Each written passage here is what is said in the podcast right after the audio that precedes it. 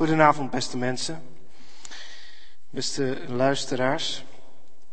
Wij vanavond het laatste deel, echt laatste deel, over de receptie van het boek Job.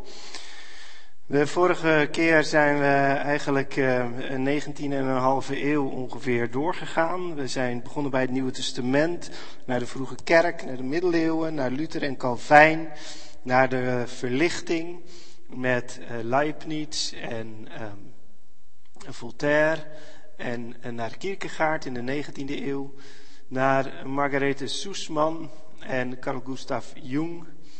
Um, en daar zijn we geëindigd.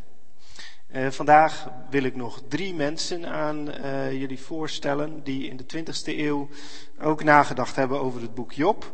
Um, en dat zijn René Girard, um, meneer Harold Kushner en Gustavo Gutierrez.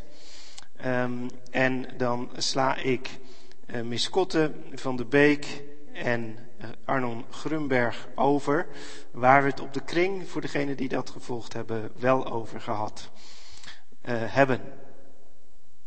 dus vanavond zal het in ieder geval niet zo lang duren als de vorige keer. Um, en aan het eind zal ik nog een paar, voorzichtig, een paar conclusies proberen te trekken. Um, we beginnen dus bij René Girard.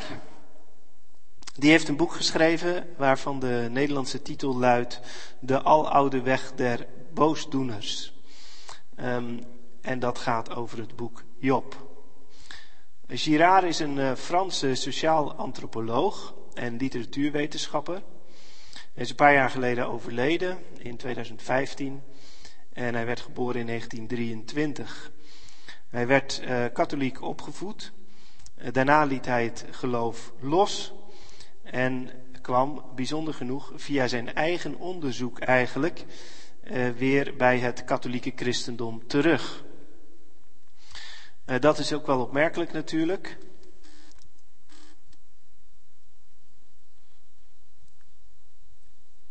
Ja,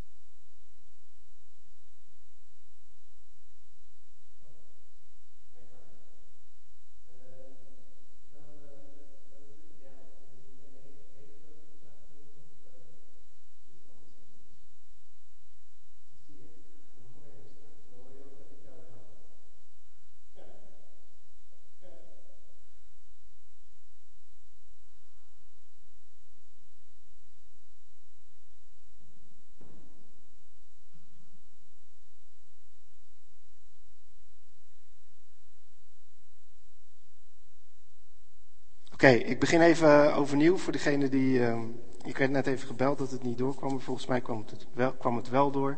Dus hoort u dit allemaal. Um, vanavond René Girard, Harold Kushner en Gustavo Gutierrez over het boek Job. Um, ik ga beginnen met René Girard.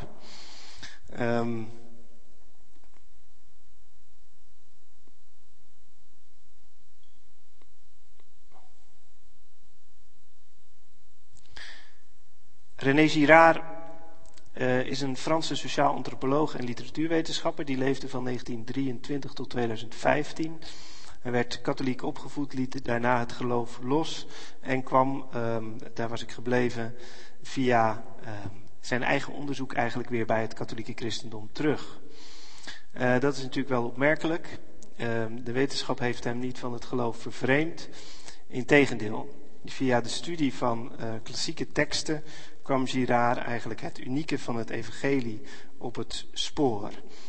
Um, dus ja, tegenwoordig doet men wel eens alsof alle wetenschap alleen maar van het geloof kan vervreemden.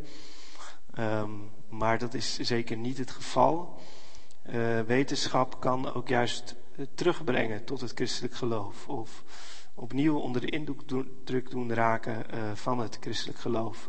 Op een historische manier of hoe dan ook. Um, en bij Girard, via de studie eigenlijk van klassieke teksten, dat hij op een gegeven moment ging ontdekken uh, dat wat er in de teksten van het uh, evangelie gebeurt, dat dat eigenlijk nergens anders uh, gebeurt. Um, nou, dat neemt niet weg dat hij in eerste instantie dus als sociaal antropoloog en niet als theoloog of gelovige naar religie kijkt en ook naar het boek Job. Uh, ook religieuze teksten gaan volgens hem over sociale processen, dus over de mens als gemeenschapswezen. Um, en uh, tegelijk betekent dat voor hem dus niet uh, dat hij dat tegenover de theologie of tegenover het geloof zegt, zet. Want hij is eigenlijk van mening dat, um, ja, dat religie ten diepste gaat over het ontstaan en het functioneren van menselijke gemeenschappen.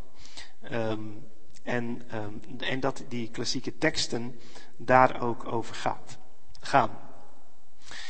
Um, nou, voordat we dan gaan kijken hoe hij eh, met het boek Job omgaat, moeten we eerst iets meer weten van de algemene gedachten van Girard. Girard die ziet in tal van klassieke teksten, zowel bijbelse als buitenbijbelse teksten, eigenlijk dat uh, heel vaak één en hetzelfde thema aan de orde is. En dat is volgens hem het thema van het zondebokmechanisme. Um, dat uh, mechanisme dat verklaart eigenlijk het ontstaan en het voortbestaan van menselijke gemeenschappen. En daarom gaat het daar steeds weer over. Um, nou, dat thema dat bestaat dan als, uit een aantal momenten. Dat is dus een beetje de algemene theorie die nu volgt. Het eerste is uh, eigenlijk het kernbegrip mimesis. Uh, het is een Grieks woord dat betekent nabootsing of navolging of imitatie. Uh, en dat is het idee dat waar mensen met elkaar omgaan, dat zij elkaar daar imiteren, nadoen. Um, en het gevoel hebben ook door anderen nagevolgd te worden. Zo leren wij ook leven natuurlijk. Kinderen leren leven en uh, dingen uh, doen en begrijpen door anderen na te doen. En daarom beginnen kinderen ook al met het heel veel kijken naar elkaar en kijken naar volwassenen. Maar daarmee gaan we eigenlijk door als we volwassen geworden zijn. We blijven naar elkaar kijken. En dan niet meer alleen om te leren, maar ook om onszelf voortdurend met de ander te vergelijken. Um, je, komt je komt iemand tegen op een feestje, een receptie. Je raakt met elkaar aan de praat. En um, dat is natuurlijk van buitenaf gezien een heel vriendelijk gesprek. Maar daaronder stel je allebei eigenlijk de vraag: ben jij nou geslaagder in het leven dan ik of omgekeerd? Dat is mimesis. Uh, dat is dat wij elkaar nabootsen en aan elkaar spiegelen en daarom ook altijd elkaars concurrenten zijn. Vanuit die mimesis ontstaat dan volgens uh, Girard begeerte. Dat is een tweede kernwoord bij, in zijn filosofie. Um, wij verlangen dingen. Waarom? Nou eigenlijk vanuit die nabootsing dus. Wij verlangen omdat anderen dat verlangen of hebben. Wij verlangen omdat we willen nadoen. De begeerte is dus zelf, zegt Girard, een nabootsende begeerte. Voorbeeld, een, een mooie auto. Je denkt bij jezelf dat je die mooie auto zelf wilt. Dat je daar autonoom in bent, in dat verlangen. Maar volgens Girard ben je helemaal niet autonoom in dat verlangen. Je bent uh, mimetisch in dat verlangen. Je verlangt die mooie auto eigenlijk alleen maar omdat anderen hem ook willen hebben. Uh, en omdat de reclame je voorzegt dat anderen hem willen hebben. Of omdat je buurman hem echt heeft.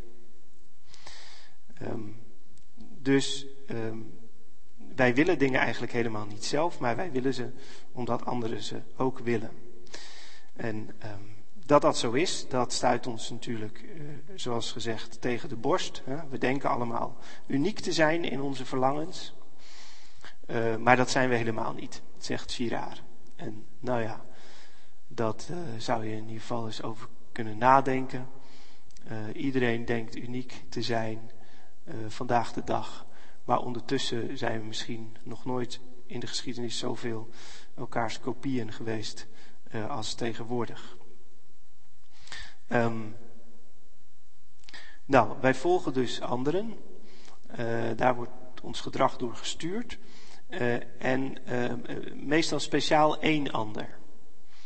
die is voor ons een soort model. we willen zijn als hem of haar. Um, dat kan natuurlijk wel vanuit de bredere interesse die je hebt. Voor de een is dat een topvoetballer, voor de ander is dat een topwetenschapper, voor de nog een ander is dat een toppoliticus. Maar we hebben een soort model uh, die we eigenlijk, een ander die we eigenlijk willen zijn. Um, en die is dus het model. Maar omdat wij willen zijn als hem of als haar, wordt die ander die ons model is, tegelijk ons obstakel.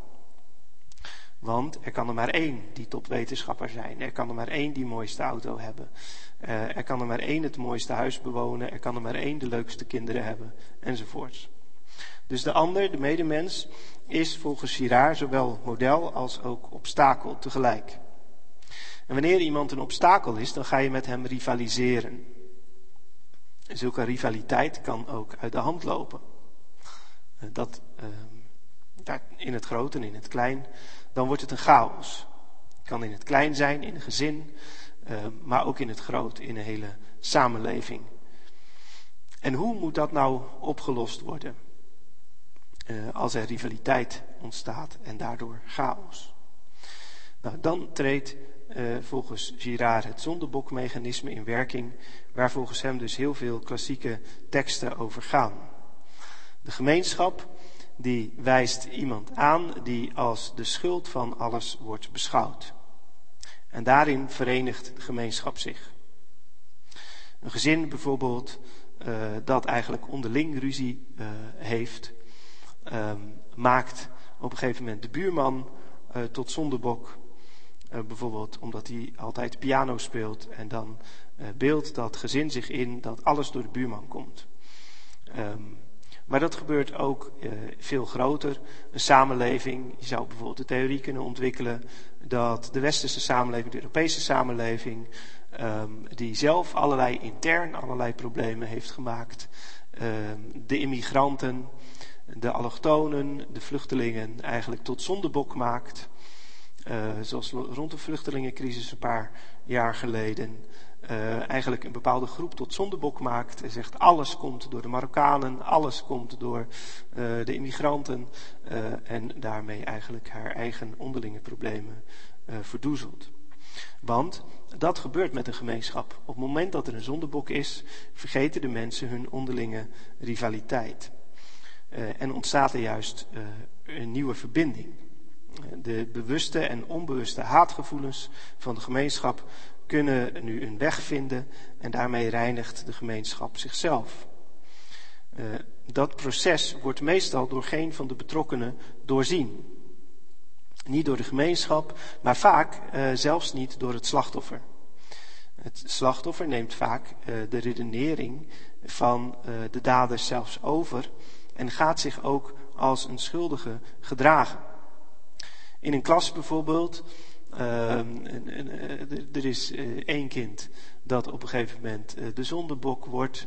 Het is bijvoorbeeld omdat het slimmer is dan de rest of omdat een andere reden wordt dat het pispaaltje. En dat kind, dat zul je heel vaak zien, gaat zich eigenlijk ook zo gedragen. Gaat zich ook schuldig voelen voor alles. Denkt ook echt zelf dat het aan alles schuld heeft. Dus het is eigenlijk een proces wat iedereen meeneemt, ook de slachtoffers zelf. Um, nou, die zondebok, uh, die wordt dan vervolgens vervolgd, uitgestoten, vermoord of hoe dan ook. Maar dan, zegt Girard, uh, dan verandert zijn karakter opnieuw. Want door de moord op de zondebok, uh, waar dus veel klassieke teksten over gaan, dat gebeurt natuurlijk nu niet meer altijd, dat de zondebok wordt vermoord, of bijna nooit. Um, maar veel klassieke teksten gaan daar wel over. Bijvoorbeeld de stichting van de stad Rome, Romulus en Remus. Um, uh, nou ja, een heleboel andere. Uh, na de moord op de zondebok verandert eigenlijk uh, de zondebok van karakter. Want die zondebok, doordat hij eigenlijk sterft, sterft hij, uh, ontstaat een nieuwe vrede eigenlijk in de gemeenschap. Hij heeft al die haatgevoelens van de gemeenschap op zich kunnen laten. En daarmee uh, heeft hij eigenlijk voor de, voor de gemeenschap een hele positieve functie. Hij brengt vrede in de gemeenschap door zijn dood. Um, hij draagt in zekere zin de schuld van die gemeenschap weg. En dus verdient hij verering. Dat zie je in heel veel klassieke teksten, dat degene die uh, dan uitgestoten wordt, na zijn dood vergoddelijkt wordt en als God wordt uh, vereerd. En zo wordt eigenlijk na zijn dood die zondebok zelfs opnieuw model. Um, mensen willen hem gaan volgen. Nou, in onze moderne samenleving uh, wordt die zondebok dus niet meer letterlijk gedood, zoals in de oude samenlevingen. Uh, daardoor is het zondebokmechanisme verzwakt, zou je kunnen zeggen. Daardoor herkennen we het ook niet meer zo snel. Um, maar volgens Girard is het toch nog steeds werkzaam, eigenlijk in alle menselijke gemeenschappen. En blijft het zo dat de gemeenschap, als dat samenleving als gemeenschap, uh, gebaseerd is eigenlijk op zulke processen. Um, en volgens hem ontstond vanuit dat oorspronkelijke, uh, vanuit die oorspronkelijke zondebok, uh, ontstond volgens hem ook later het ritueel en het offer. Uh, in het offer wordt die oorspronkelijke zondebok als het ware opnieuw voorgesteld. en als het ware opnieuw uitgedreven. ritueel wordt eigenlijk de moord op de zondebok herhaald. en door dat ritueel ontstaat dan opnieuw vrede in een gemeenschap waar ook steeds weer rivaliteit ontstaat. Je kunt ook denken, denken aan het, waar het woord zondebok natuurlijk vandaan komt. Het ritueel in uh, Leviticus waar dat verteld wordt. Dat ook uh, de zonde op een bok wordt overgebracht door een priester. Waarna de bok de woestijn in wordt gestuurd. Um, volgens Girard zijn dat soort rituelen dus eigenlijk herhalingen van een oorspronkelijk ja, uh, van een oorspronkelijke moord op een echte zondebok. Um, nou, in dat soort traditionele uh, culturen uh, werkte dus ook iedereen aan zo'n proces mee. Uh, er zijn op zich ook bewijzen van, ook in Nederland zijn restanten gevonden van mensenoffers, kinderoffers. En dan zie je dat die offers, die, kin, die, kinderen of die, die, mensen die geofferd werden, zich ook helemaal niet hebben verzet tegen hun offer. Uh, um, maar um, dat ook uh, zelfs het slachtoffer het eerder een eer vond om geofferd te worden door de gemeenschap. Omdat hij na zijn dood ook vereerd zou worden als een god. Nou, hoe werkt dat nou volgens Girard in het christendom? Um, nou, hij zegt het is duidelijk dat het leidersverhaal van Jezus ook de trekken van dat zondebokmechanisme vertoont. Jezus wordt als schuldige aangewezen door het volk. Iedereen roept kruisig hem. Iedereen gaat daarin mee. Jood en uh, heiden verenigen zich zelfs daarin. Pilatus en Herodes, die eigenlijk vijanden waren, worden vrienden. Omdat de hele gemeenschap haar haatgevoelens eigenlijk op Jezus kwijt kan. Maar het verschil is dat Jezus eigenlijk niet meegaat in dat uh, uh, zondebokmechanisme. Hij gedraagt zich eigenlijk niet als slachtoffer, want hij houdt vast aan zijn onschuld. Hij is niet als het pispaaltje in de klas dat op een gegeven moment ook zelf uh, zich als schuldige gaat gedragen en denkt dat hij echt schuldig aan alles is. Maar hij houdt vast aan zijn onschuld. En dat verkondigt het evangelie ook.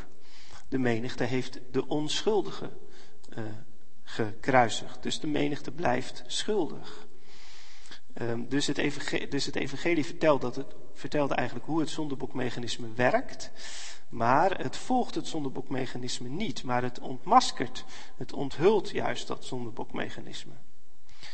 Um, en Jezus wordt dan na zijn dood ook een model. Ja, maar dan uh, volgens Girard juist een model om voortaan uh, die mimetische begeerte en dat mimetische geweld uh, niet meer te doen als mensheid, maar dat te doorzien, de list van, van die mimesis en van dat geweld te doorzien en dat dus niet, niet meer zo te hoeven leven. niet meer te hoeven leven in mimetische begeerten en niet meer te hoeven leven ja, door anderen zondebok te maken. Dat is eigenlijk voor hem het evangelie. Nou, hoe ziet hij dan het boek Job? Dat kunnen we eigenlijk pas van, van hieruit begrijpen. Um, wat Girard dus doet in dat, dat boek, uh, dat is heet uh, De Aloude Weg der Boosdoeners. Um, wat Girard eigenlijk doet in dat boek is laten zien dat in het boek Job ook al die dingen aan de orde zijn die, we nu, uh, die ik nu heb genoemd.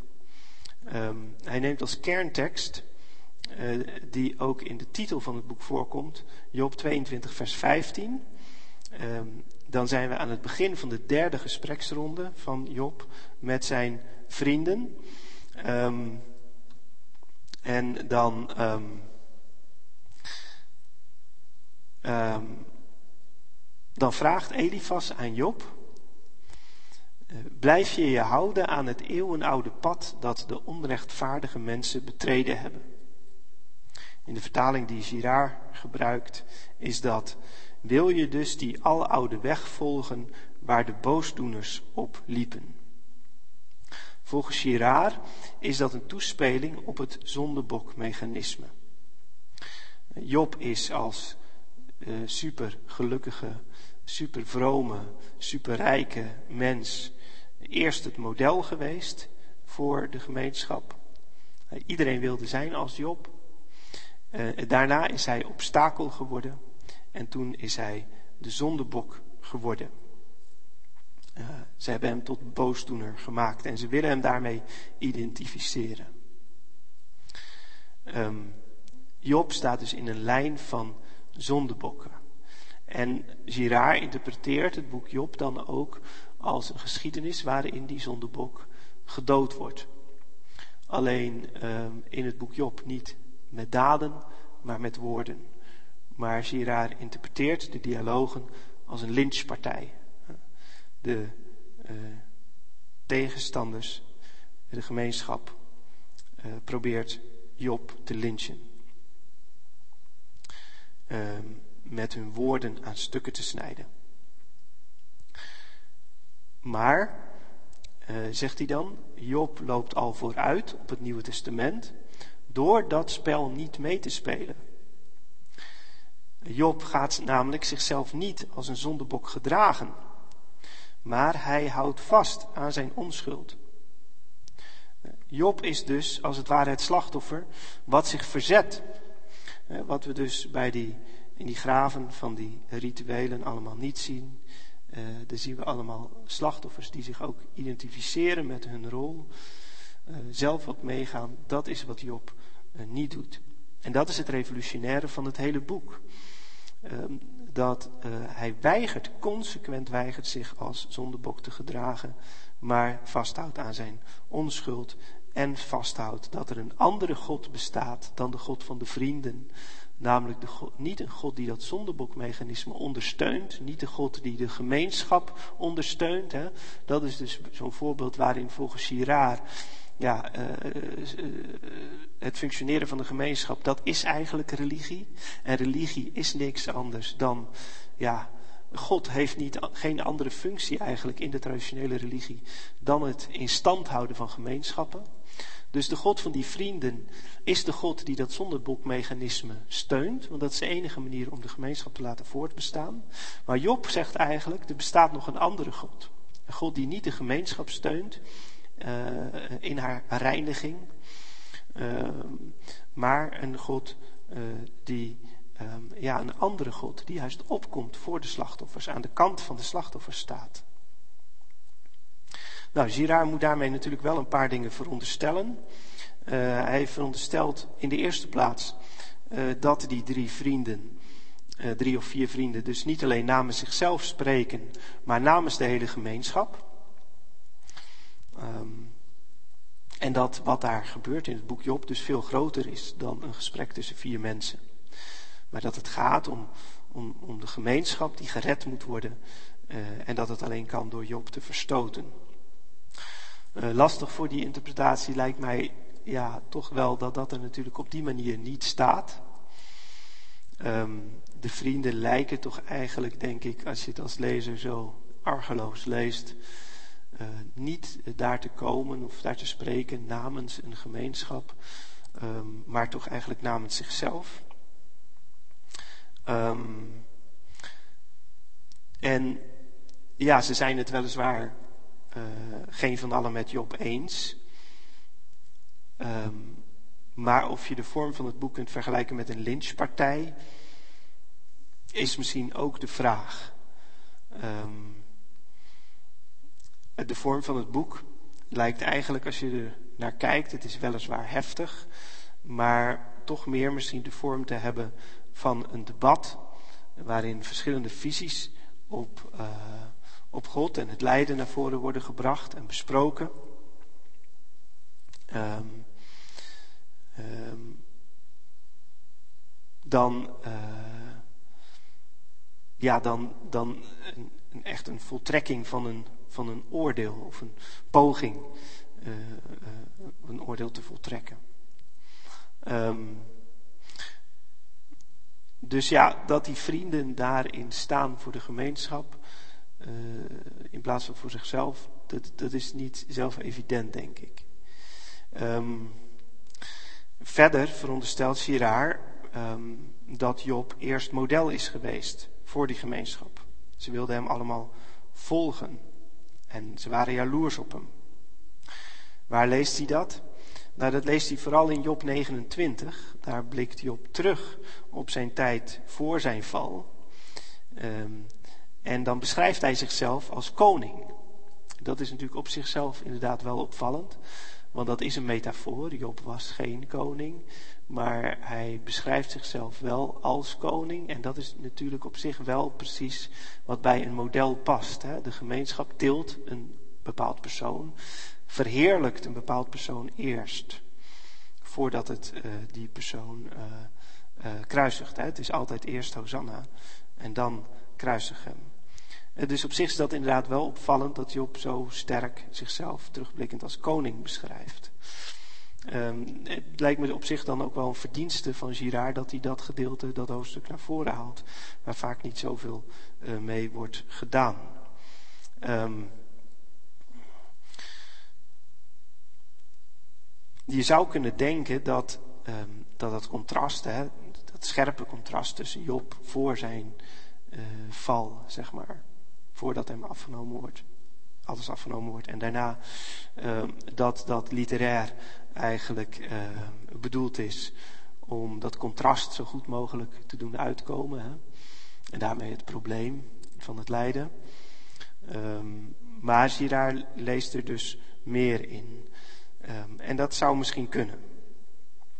Een zwak punt daarbij is echter wel dat Job niet spreekt over afgunst van de anderen. Wat natuurlijk wel echt bij het zondebokmechanisme hoort. Eh, dat de gemeenschap afgunstig is op dat model. Um, Job wordt alleen maar als zeer gelukkig en vroom gekarakteriseerd. Maar er wordt niet gezegd dat de mensen afgunstig op hem waren. Dat betekent dus dat Girard die afgunst ergens anders vandaan moet halen. Waar vindt hij die dan? Nou, die vindt hij in Psalm 73. In Psalm 73 gaat het over de afgunst op de goddelozen, op hen die zonder God leven en die het toch voor de wind gaat. Maar hun einde zal bitter zijn, staat er dan. En daar verheugt die psalmist zich dan over. Girard leest daar de afgunst die in het boek Job zelf niet genoemd wordt. En hij gebruikt dus Psalm 73 om Job te interpreteren. Uh, of dat zo sterk is, vraag ik me echter ook af.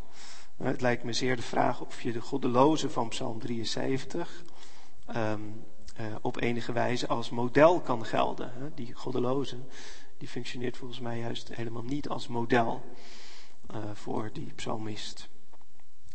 Uh, en om die goddeloze dan weer te vergelijken met Job, dat is ook wat moeizaam. Dus er zitten nog wel wat problematische kanten aan, um, denk ik.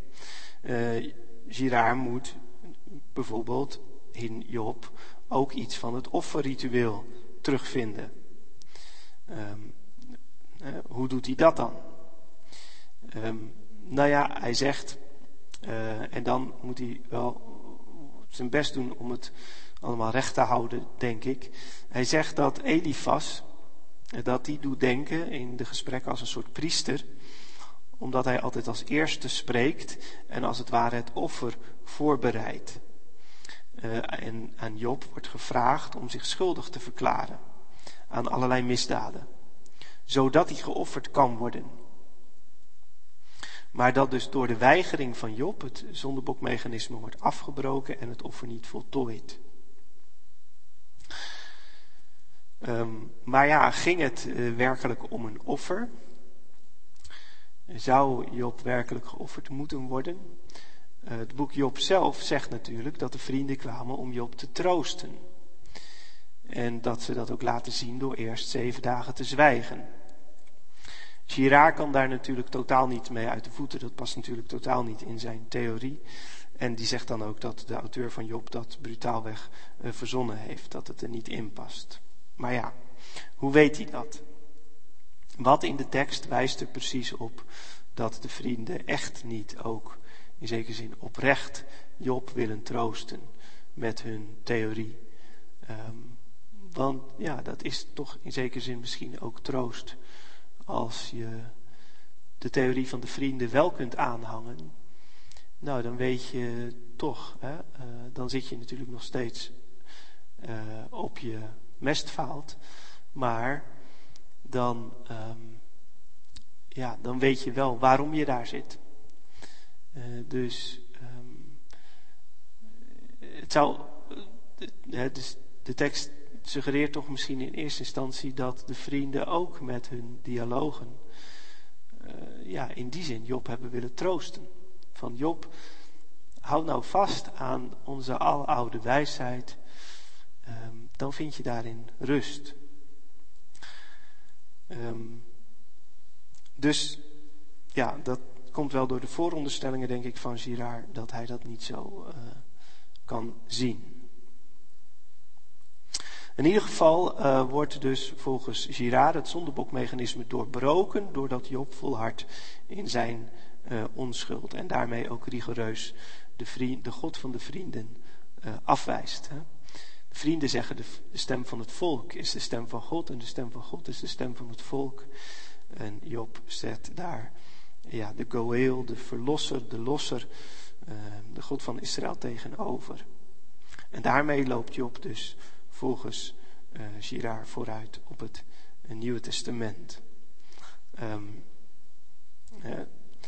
terwijl Job nog zijn zwakke momenten had en bezweek voor het godsbeeld van de vrienden hier en daar, is Jezus volgens hem het volmaakte slachtoffer, omdat hij volkomen consequent, omdat Jezus volkomen consequent het beeld van de vervolgende God heeft afgewezen. En omdat in het lijden van Jezus het zondebokmechanisme definitief uh, wordt onthuld, zodat wij er ook niet meer aan hoeven vast te houden. Um, en um, ja, daarmee komt wel, dat is op zich ook interessant, op een nieuwe manier ook die lijn van Job naar Christus weer terug. Hè. Um, in het algemeen is die erg onder het stof geraakt. Is Job veel meer in de loop der eeuwen een beeld geworden voor de mens dan voor Christus. Maar bij Girard is hij dus eigenlijk op een nieuwe manier ook weer uh, type van Christus geworden. Um, tot zover Girard. Nu iets korter over um, Kushner. Harold Kushner. Um, die zouden we nog bespreken dit jaar. Maar daar is niet meer van gekomen. Harold Kushner heeft weer een andere interpretatie van het boek uh, Job. Um, en uh, die um, vraagt eigenlijk, um, ja, is dat idee van uh, het negatieve godsbeeld eigenlijk van het boek Job als een almachtige God, klopt dat eigenlijk wel? Um, Kushner is een Joodse rabbijn die in de jaren 80 een veel verkocht en besproken boek heeft geschreven, Als het kwaad goede mensen treft. Het is een heel persoonlijk boek, geschreven naar aanleiding van het verlies van zijn zoon Aaron. Die zoon Aaron die leed aan een zeldzame verouderingsziekte, progeria, en werd maar 14 jaar oud. Boek van Kushner is uh, heel eenvoudig geschreven met veel voorbeelden en het leest als een trein. Um, heeft niet alleen het voorbeeld van zijn eigen kind, maar heel veel voorbeelden uit zijn pastorale praktijk. Het buitelt eigenlijk uh, over elkaar.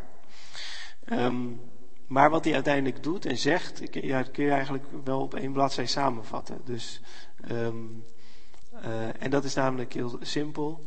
Uh, als wij goed willen omgaan, leren omgaan met het lijden in ons leven, dan moeten wij de gedachte dat God almachtig is loslaten. Die moeten we opgeven. Uh, pas als je toegeeft, God kan er vaak ook niks aan doen dan pas ontstaat er ruimte in je leven om ja, ook met God juist voor het goede te strijden, maar ook te aanvaarden. Ja, dat dingen je soms ook kunnen overkomen. Uh, maar daar hoef je God de schuld niet van te geven, want God kan er ook niet altijd wat aan doen. Maar hij staat altijd aan onze kant. Dat is eigenlijk simpel gezegd wat Kushner betoogt. Je zou dus kunnen zeggen dat hij uh, de Theodicee-vraag radicaal oplost. Die Theodicee-vraag die, uh, werd ook al bedacht door de Griekse filosofen voordat het christendom er kwam. Uh, en die Theodicee-vraag die zegt eigenlijk, hoe kan het, hoe kunnen deze drie, drie dingen tegelijk waar zijn? Dat God al goed is, dat God almachtig is en dat er kwaad is in de wereld. Um, als God goed is, eh, volkomen goed is, dan wil hij het kwaad niet. Als hij almachtig is, dan kan hij het kwaad uh, tegenhouden. Um, met andere woorden, als God zowel al goed is als almachtig, dan is het onverklaarbaar dat, dat er toch kwaad is in de wereld. Um, je kunt dat dan alleen verklaren als je een van beide laat vallen. Als je zegt, uh, misschien is God niet helemaal goed, misschien heeft God een donkere kant. Um, nou, dan, uh, dan klopt het weer. Maar het, die kant wil Kushner absoluut niet op. Die zegt, we moeten de tweede stelling laten vallen. God is niet almachtig. Um, en daarom kunnen we verklaren dat er kwaad is in de wereld. Um,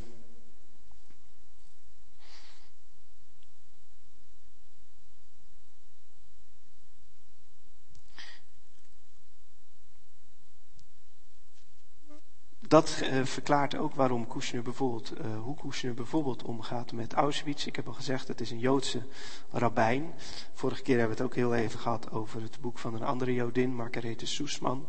Die eigenlijk haar hele boek Job opzet vanuit de vraag van uh, hoe um, kunnen wij omgaan met Auschwitz. zij schreef haar boek in 1946, toen de oorlog net afgelopen was. Um, en zij vergelijkt, neemt daarin de figuur van Job als een model voor het Joodse volk.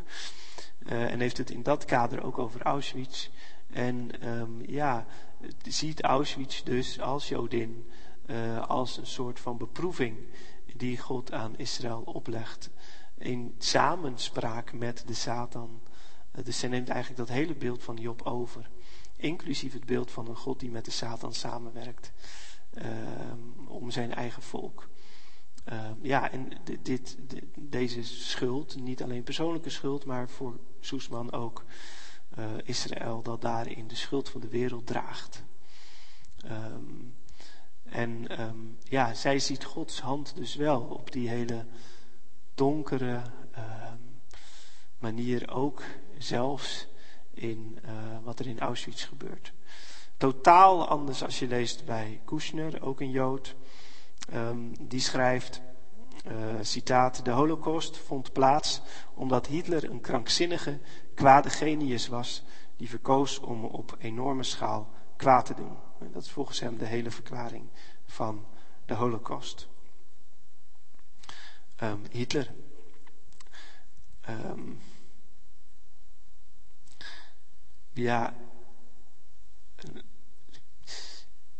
zelf denk ik, het is eigenlijk onthutsend, oppervlakkig. Um, ik bedoel, ook als je niet gelooft, zou je toch op zijn minst moeten doorvragen. En moeten vragen van, um, ja, Hitler koos er nu eenmaal voor om op een enorme schaal kwaad te doen. Um,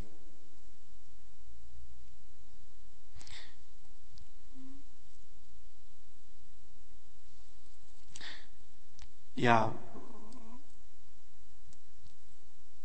um, Hitler was had natuurlijk in de eerste plaats helemaal niet het idee dat hij kwaad deed. Um, de klassieke filosofie en theologie hebben altijd gezegd dat mensen kunnen geen kwaad willen doen. Uh, niemand kan kwaad willen doen. Kwaad doen is eigenlijk altijd uh, doen. Ook iemand die kwaad doet, doet datgene wat voor hemzelf op dat moment het beste lijkt. Hè? Dus in die zin doen mensen alleen maar het goede. Um, want ze doen altijd wat voor hen op dat moment het goede lijkt. Uh, dus Hitler deed datgene wat in zijn ogen het goede was. Uh, namelijk um, dat volk, het Joodse volk, dat eigenlijk volgens hem voor alle ellende zorgde op aarde uit te roeien. Dus het is eigenlijk al heel naïef om te zeggen, uh, ja, er stond nu eenmaal iemand op die besloot om op enorme schaal kwaad te doen. Um, nee, de, de, de, enorme verwarring is juist um, dat helemaal niet duidelijk is wat kwaad is. En hoe weten we eigenlijk wat kwaad is? En ook het idee dat Hitler daarvoor koos. Ja, wat is eigenlijk kiezen? Girard heeft via een heel andere theorie laten zien dat wij mensen misschien helemaal niet zo vrij zijn in het kiezen als wat wij uh, denken dat we zijn. Um, dus de manier waarop Hitler hier als een soort eigenlijk autonome god wordt uh, opgevoerd en als enige verklaring voor de holocaust, waardoor we aan God geen enkele vraag hoeven te stellen, um, ja, komt mij eigenlijk onthutsend oppervlakkig over eigenlijk. Omdat het elke verwijzing naar God en naar de Satan ook naar de Satan dus eigenlijk afwijst. Uh, maar aan de andere kant is het natuurlijk uitermate aantrekkelijk. En daarom begrijp ik ook wel dat Kushner het doet. want als je God en de Satan overal buiten kunt laten, ben je natuurlijk ook van heel veel vragen af. En dat is eigenlijk wat Kushner doet. Op een hele grove manier eigenlijk hele grote knopen doorhakken. waardoor inderdaad gesuggereerd wordt dat we van heel veel problemen af zijn. Um, misschien hangt dat wel een beetje samen met zijn heel negatieve kijk op theologie, op nadenken, denken over God. Hij opent zijn boek met uh, deze zin. Dit is geen abstract boek over God of over theologie. Het probeert geen grote woorden te gebruiken of slimme foefjes te vinden om bepaalde vragen nog eens opnieuw te formuleren. Je merkt een uitermate negatieve uh, opvatting van wat theologie eigenlijk is. Alsof het in theologie gaat om slimme foefjes vinden voor, uh, om bepaalde vragen opnieuw te formuleren.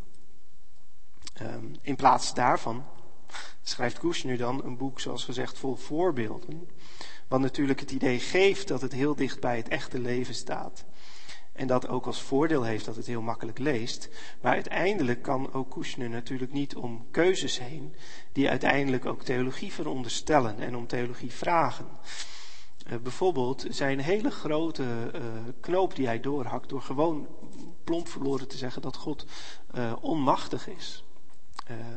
en niet kan ingrijpen in de natuur, in de geschiedenis.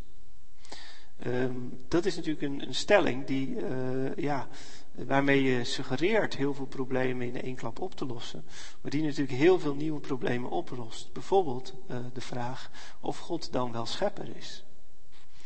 Kijk, als God schepper is, dan is alles buiten God uh, um, van God afhankelijk. Door hem ontstaan. Uh, als een schepping uit het niets is, dan is alles wat er buiten God is, minder dan God en na God. En dan is er niets anders dan God eeuwig. Dan is er niets anders aan God gelijk. Ehm, dus, eh, en die hele idee van schepping ja, impliceert dus eigenlijk het idee van almacht. Um, nou op al dat soort vragen gaat Kushner uh, helemaal niet in. Um, en dat is eigenlijk jammer. In ieder geval blijft het wat dat betreft, uh, wat mij betreft, daarom uh, ook onbevredigend. Um, wat is dan zijn beroep op Job? Daar moeten we het natuurlijk wel over hebben. Hij schrijft niet zomaar een boek over het lijden, maar hij beroept zich ook op Job. Nou, waar beroept hij zich dan op, zou je kunnen vragen. Uh, nou, hij beroept zich eigenlijk op een passage uit Job 40. Um, waarin God, de Heere God, antwoord geeft aan Job. Uh, en uh, aan Job vraagt: Heb jij soms een arm als God? En kun jij donderen met een stem als Hij? Toon u dan met heerlijkheid en hoogheid. Bekleed u met majesteit en luister. Stort uw ziedende toorn uit. En zie al wat trots is en werp het er neer. Zie al wat trots is, verneder het en verpletter de goddelozen op staande voet. Verberg hen dan tezamen in het stof, sluit hen op in het verborgen oord. Dan zal ik u loven, omdat uw rechterhand u de zegen geeft. Volgens Kushner betekenen deze versen uh, dat de Heere God tegen Job zegt um, van um, ben jij zo, soms zo sterk als God? Laat dan maar eens zien dat jij de goddelozen, hè, het kwaad, um, kunt overwinnen, neerwerpen. Hè. Dan zal ik jou loven. Um, volgens Kushner betekent dat dat God hier eigenlijk toegeeft dat hij uh, zelf niet tegen het kwade op kan. En dat Job, als hij God zou zijn, uh, ook wel zou inzien uh, dat je niet zomaar tegen het kwaad op kunt. Um, als dat zo is, dan zou dus in het boek Job gezegd worden dat God niet almachtig is. Um, maar ik moet eerlijk zeggen dat ook dat mij niet overtuigt. Want die passage die uh, Kushner aanhaalt, is dus onderdeel van dat grote antwoord van God aan Job. Een antwoord uit een storm. Job heeft uh, gevraagd om het verschijnen van een verlosser die het voor hem opneemt bij God. Maar dat is eigenlijk niet wat er gebeurt. Er gebeurt eigenlijk niet waar hij om gevraagd heeft. In plaats daarvan verschijnt God uh, uit een storm die, en overdondert hem met een hele lange reeks van vragen. Vragen die allemaal samen te vatten zijn in deze vraag: uh, Ben jij soms God? En denk jij soms dat je het beter kunt doen dan ik? Um, dat zit er dus wel in. Denk jij soms dat je het beter zou kunnen dan ik? En dat zit er ook in, inderdaad, als het gaat om de omgang met de goddelozen, met het kwaad. Um, maar die vragen hebben dan niet de betekenis van dat God toegeeft, ik kan het niet. Maar hebben veel meer de beschuldigende betekenis van Job, jij kunt het niet. Jij bent geen God en jij kunt ook geen God zijn. Uh, mijn inziens kun je dus wel zeggen dat die teksten het raadsel aanduiden, ook van Gods omgang met het kwaad. Um, maar uh, ik kan daar niet in lezen dat God daarin zijn eigen onmacht zou erkennen. Eerder betekent het boekje op en het antwoord toch het omgekeerde. Dat God zijn almacht juist onderstreept. Um, en daarom legt Job ook de hand op de mond.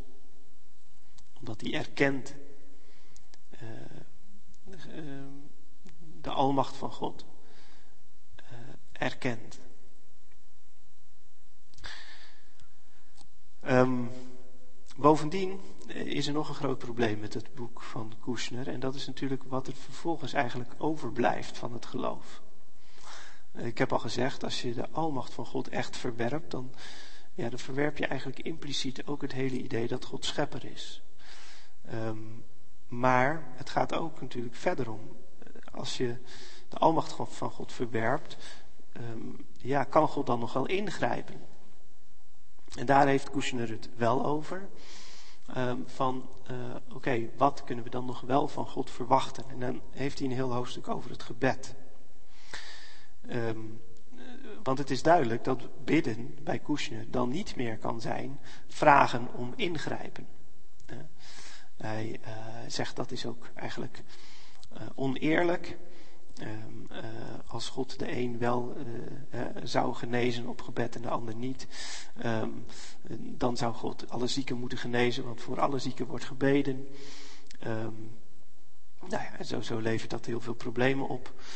Maar ook heeft hij al gezegd, God is onmachtig, dus God kan dat ook niet. We moeten niet van God verwachten dat hij ingrijpt in natuurlijke processen. Um, wat is bidden dan wel? Nou, bidden is dan nog wel, zegt hij, een middel waardoor je zelf kunt veranderen van houding, van aandacht enzovoorts. Hij geeft bijvoorbeeld het voorbeeld van Jacob, die bidt om minder angst tegenover Esau. Dan gaat hij Esau ontmoeten na zijn bedrog. En dan bidt hij tot God om minder angst. En dan zegt Kushner, dat is een gebed wat God graag verhoort. Um, dus we mogen wel van het gebed verwachten dat daar bijvoorbeeld onze angst van verdwijnt. Um, maar dat is natuurlijk, uh, dat, die oplossing lijkt veel makkelijker, denk ik, dan die is. Want ook als je zegt dat uh, door een gebed bijvoorbeeld je angst kan verdwijnen, um, en je vat dat echt op als een gebed tot een levende God, en dat dus door die God jouw angst verdwijnt, en niet puur als meditatietechniek, maar door het gebed. Dan veronderstel je nog steeds dat God ingrijpt in deze werkelijkheid. Uh, namelijk door de angst van jou af te nemen. Um, dat is dan weliswaar niet een fysiek ingrijpen van God wat je verwacht. Een ingrijpen in de natuur of in de natuurwetten. Maar het is wel een ingrijpen, een mentaal ingrijpen, een ingrijpen in onze geest. Maar als wij bijvoorbeeld rustig worden of vertrouwen krijgen, um, veronderstel dat dus net zo goed een uh, ingrijpen van God. En dan ontstaat de vraag, waarom zou God wel fysiek of wel mentaal kunnen ingrijpen, maar niet fysiek? Als je er goed over nadenkt, is daar eigenlijk helemaal geen verschil. Um, als God niet in staat is in de natuur in te grijpen, dan is er ook geen enkele reden om aan te nemen dat hij wel in staat is om in de geestelijke werkelijkheid, in, in onze geest, in ons hart, of hoe je het ook noemt, uh, in te grijpen. Ik denk dat je dus in die zin er niet aan ontkomt door te zeggen, ofwel God kan helemaal niet ingrijpen in onze wereld, uh, ja, ofwel hij kan wel ingrijpen omdat hij schepper is. Maar dan is het eigenlijk ook geen probleem om ook te erkennen dat hij in de fysieke wereld ingrijpt. Bovendien heb je ten aanzien van het mentale natuurlijk hetzelfde als ten aanzien van het fysieke. Het is niet alleen zo dat bij gebed om genezing de een wel genezen wordt en de ander niet. Maar het is ook zo dat de een veel meer mentale kracht uit het gebed kan putten dan een ander. Dus ik denk dat uh, op zich uh, Kushner best wel terecht um, uh, zegt van er zijn problemen met hoe wij bidden, gewoonlijk. Um, uh, wij bidden vaak op een veel te kinderachtige manier. Um, daar heeft hij denk ik zeker wel een, een punt. Hij, dat, zit ook, dat zit ook voldoende in de traditie. Hij, hij, haalt zelf de Talmud aan, een klassieke verzameling van, van Joodse teksten. Uh, waarin ook al gezegd, iets gezegd wordt over slechte gebeden, ongepaste gebeden. Um, de Talmud zegt bijvoorbeeld, als een vrouw zwanger is, horen zij nog haar man te bidden, God geeft dat dit kind een jongen is. Ze mogen ook niet bidden, geef dat het een meisje is. De sekse van het kind wordt bepaald bij de bevruchting en God mag niet worden aangeroepen om die te veranderen. Nog een ander voorbeeld dat het Talmud noemt. Als een man een brandweerwagen hard in de richting van zijn woonwijk ziet rijden, dan hoort hij niet te bidden, God ik smeek u, laat de brand niet in mijn huis zijn.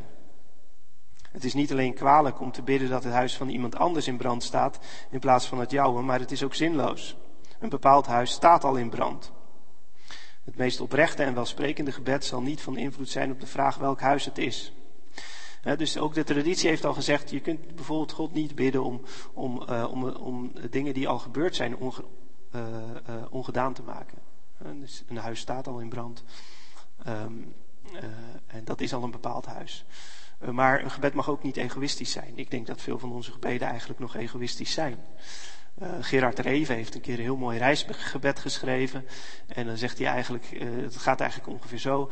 Heere God, uh, dat is aan het begin van de vakantie. Heere God, er gaan vandaag heel veel mensen op reis met de auto. Als er iemand moet omkomen onderweg, laat mij het dan zijn. En dan zegt Gerard Reven, dat is eigenlijk een veel christelijker gebed dan, dan dat, dat je zit te bidden. laat mij weer veilig thuiskomen. Uh, Reven zegt, uh, er moeten nu eenmaal elke dag ongelukken gebeuren. Dat weten we, er gaat geen dag voorbij zonder ongeluk. Het is veel christelijker om te bidden. Laat mij het dan maar zijn. Uh, dat legt heel goed de vinger bij hoe egoïstisch vaak onze gebeden zijn. dus Kushner heeft best wel een punt op, op een aantal vlakken. Maar ik denk dat hij zich van een heel aantal vragen veel te gemakkelijk afmaakt eigenlijk en ons eigenlijk ook met een kluitje in het eh, riet stuurt. Um, nou, dat was uh, Koesner. Dan gaan we nu naar de laatste. Um, en dat is Gustavo Gutierrez. Een theoloog uit Latijns-Amerika. Dus weer een heel andere kant gaan we nu op.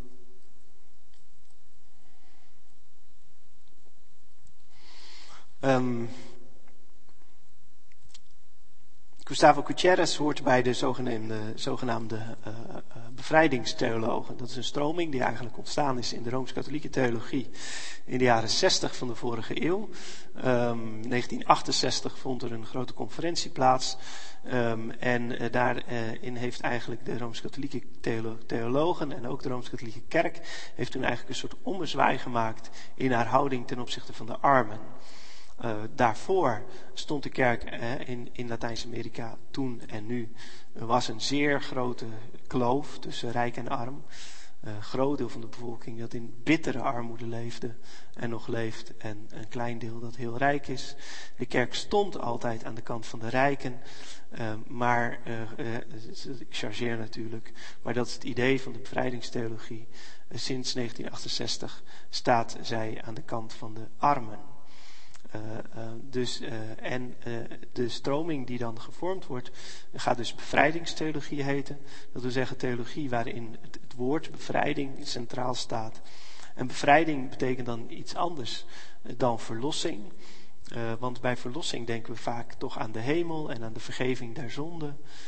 maar um, die bevrijdingstheologie zegt, in de theologie moet het echt ook gaan om ja, het bevrijden van de armen uit uh, onderdrukkende uh, structuren. Dus veel meer om maatschappelijke veranderingen ook.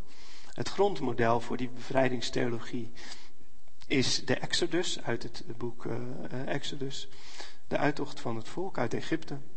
Um, ja, waarbij ook een slavenvolk, hè, dat dit, de bevrijdingstheologen zeggen, daar ging het niet zomaar om geestelijke bevrijding. Hè.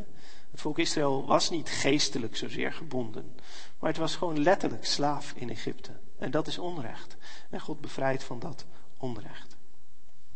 Nou, dat is, uh, dat is de, de traditie, de stroming, zeg maar, waar Gutierrez bij hoort. En hij heeft dus ook een boek geschreven over, uh, over Job. En dat boek heet Gerechtigheid om niet. Um, en dat boek, uh, dat boek van Gutierrez dat bestaat uit drie delen. Uh, de wetenschap, de weddenschap heet het eerste deel, de profetische taal heet het tweede deel en de taal van de contemplatie heet het derde deel. Um, het meest unieke van zijn benadering zit denk ik in dat tweede deel, de profetische taal. Um, We hebben eerder al gezien dat het boek Job niet tot de profeten behoort, maar tot de geschriften. Um, dat we zeggen de geschriften waar niet zozeer iemand tot ons spreekt in Gods naam, maar waarin mensen gelovig reflecteren op wat die boodschap met hen doet. Um, in het geval van Job is dat dan de reflectie van de wijsheid, die wel als vierde naast de priester, de profeet en de koning is genoemd als uh, oud-testamentisch ambt als het ware. Um, en nou is er dus een verschil tussen de profeet en de wijze, ook in toon. De profeet heeft altijd een kritische, zo je wilt, boze toon bij zich. We kunnen daar allemaal wel teksten bij bedenken van Josaja en Amos. Um, profeet die uh, altijd kritisch tegenover het volk gaat staan. Um, en um, ja, uh, de toorn van God eigenlijk ook uh, verkondigt en daarin de noodzaak van bekering.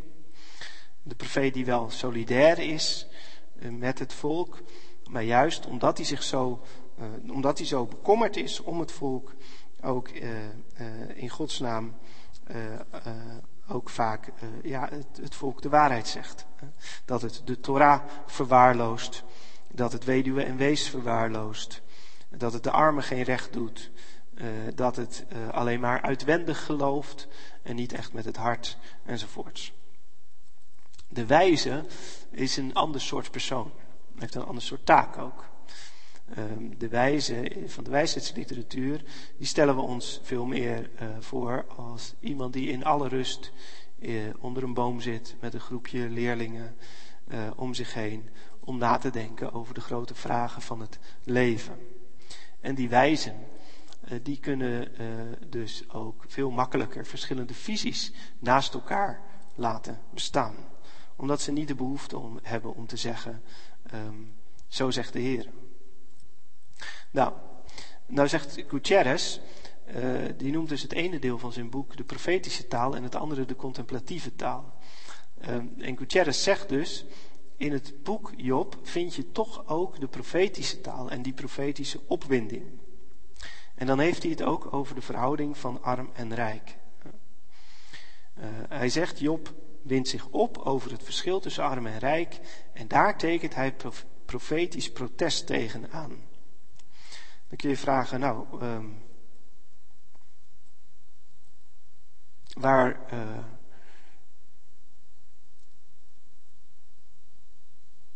waar vinden we. Um, of, dat komt zo meteen. Um, om dat nog even te onderstrepen. Um, uh, zal ik nog even voorlezen, ook het, het, uh, de opdracht voor in het, uh, voor in het boek met een gedicht. Um, die heeft zijn boek ook opgedragen aan de armen van Latijns-Amerika. Waar hij dus tussen werkt, waar hij voor opkomt. aan het volk van Ayacucho dat als Job onverdiend lijdt en roept tot de God van het leven. We zien hier dus een identificatie van Job uh, niet met Israël, zoals bij Soesman, niet met Christus, zoals in de traditie, niet met de mensen in het algemeen, um, maar um, met specifiek uh, de armen van Latijns-Amerika. Um, en voorin staat dan een aangrijpend gedicht van ene Juan Gonzalo Rose. Dat gaat als volgt. Mijn moeder zei, als je de witte vogels met stenen doodt, zal God je straffen. Als je je vriend slaat, die met het gezicht van een ezel, zal God je straffen. Het wat, het, het teken van God, van de twee balken en zijn tien goddelijke vingers, pasten in mijn, en zijn tien goddelijke geboden, pasten in mijn hand als nog eens tien vingers.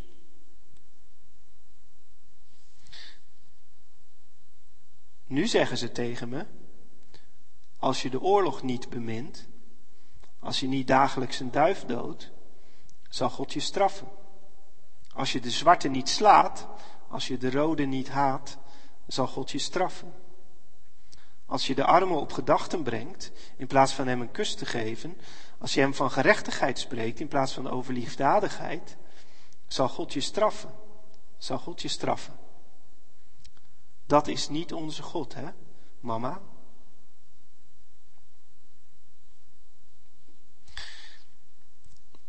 Dus je uh, merkt dat hier heel erg het geloof in God inderdaad verbonden wordt met het opkomen voor gerechtigheid. Um, en uh, volgens die zij in dat gedicht uh, mag je de armen wel een kus geven, maar je mag hem niet op andere gedachten brengen. Als je de armen op gedachten brengt, in plaats van hem een kus te geven, als je hem van gerechtigheid spreekt, in plaats van over liefdadigheid, zal God je straffen, zeggen de tegenstanders. Um, daarmee, uh, um, misschien is dat goed om nog even toe te lichten. Een kus geven, dat staat hier dus voor een teken van liefdadigheid. Um, liefdadigheid als plicht.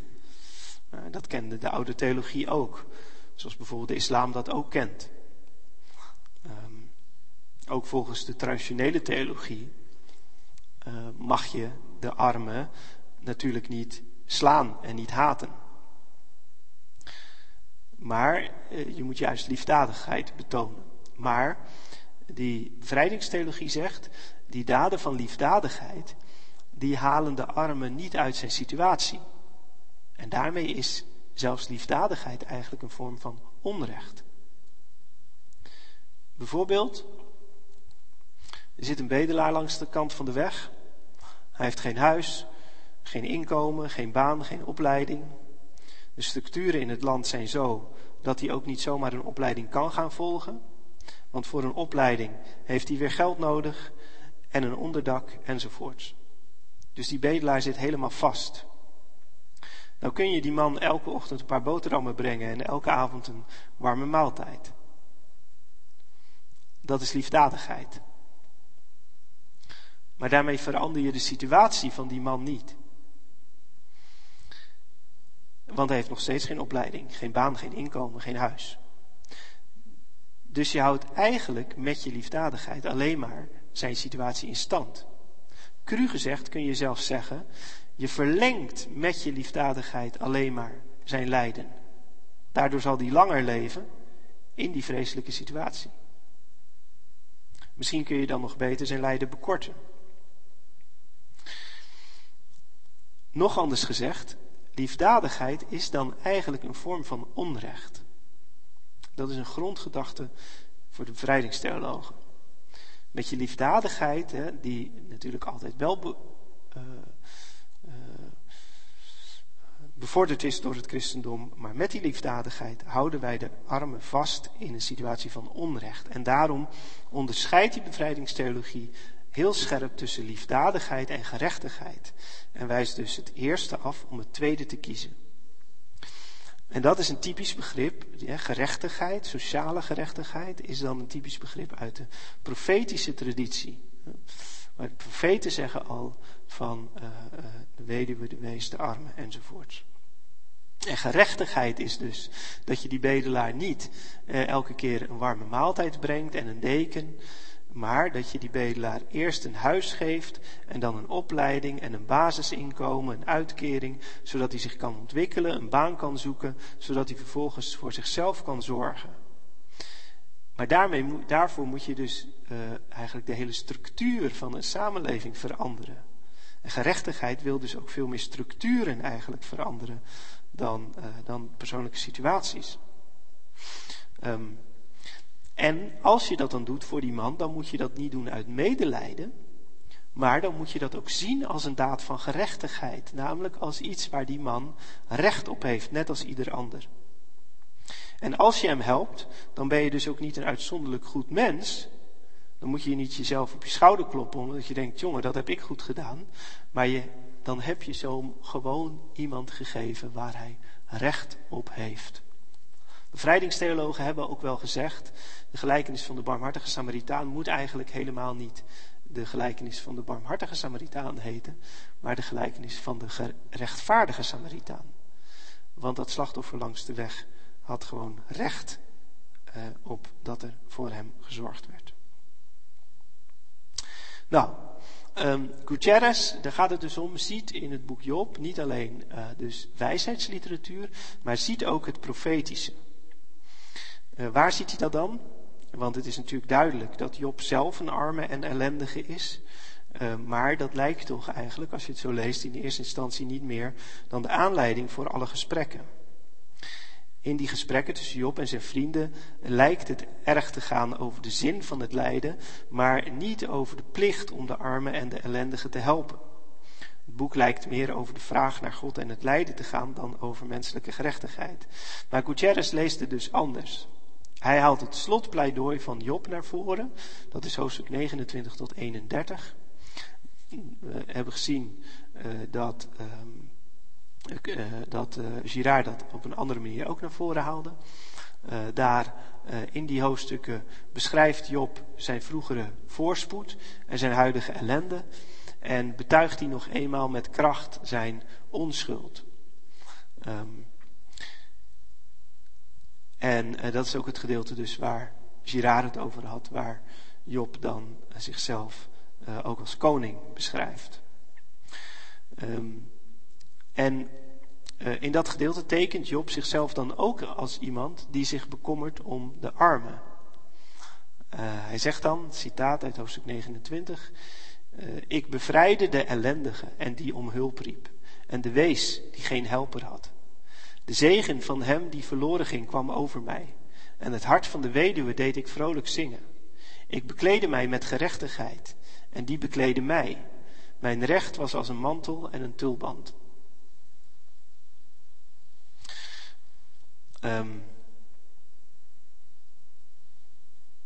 Gutierrez die, die vraagt zich dus in zijn boek af van welke taal is nou gepast bij, uh, voor het spreken over God. En lees dan in dit gedeelte af dat we daar ook um, ja, profetische taal vinden. Van Job die zich zelf presenteert als rechtvaardig. Recht aan de wees, de weduwe en de armen. En hij ziet daar dus een ondersteuning voor zijn bevrijdingstheologische idee dat we alleen over God kunnen spreken, ook in solidariteit met de armen en de uh, ontrechten. Um,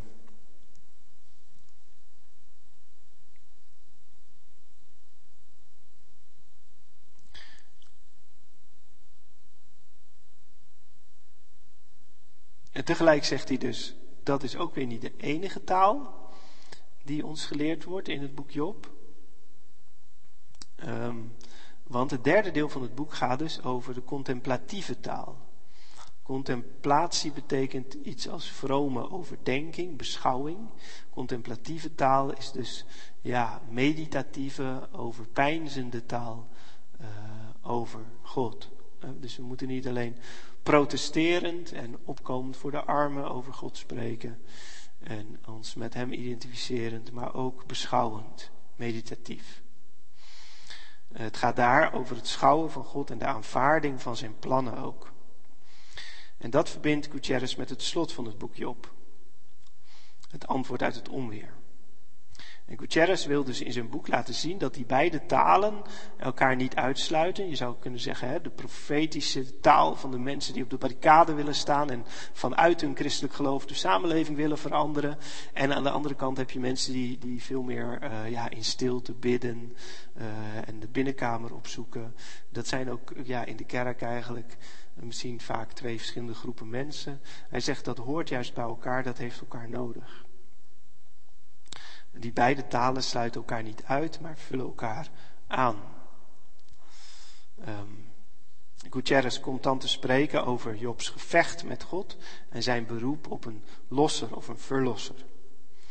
Um, en zo komt hij verder in het beschouwen van het geheimenis van God en merkt dat de gerechtigheid van God alleen wordt verstaan binnen zijn liefde, uh, binnen zijn genade.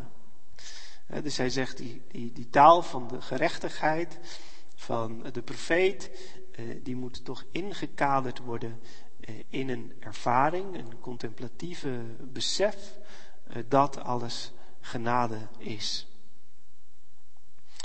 en dat ontdekt Job volgens Gutierrez dan ook aan het einde in het antwoord uit het onweer de belangeloosheid van de liefde van God, dat Hij ons niets verplicht is en dat Hij ook ons tot niets verplicht. Dat de relatie van God er niet één is van rechten en plichten, maar van echte uh, liefde. Volgens Gutierrez wijst dat antwoord van God ook niet zozeer op zijn macht, maar op zijn vrijheid, op het uh, genadekarakter van de liefde. God laat zien dat niets, zelfs de wereld van de gerechtigheid niet, hem gevangen kan nemen. Dat is de kern van zijn boodschap schrijft hij. God wil dat mensen recht doen. En dat is dat profetische. Maar hij kan dat niet afdwingen. Hij is wat hij geschapen heeft respect verschuldigd. En dat is volgens Gutierrez wat er bedoeld wordt met de slotrede in Job 40.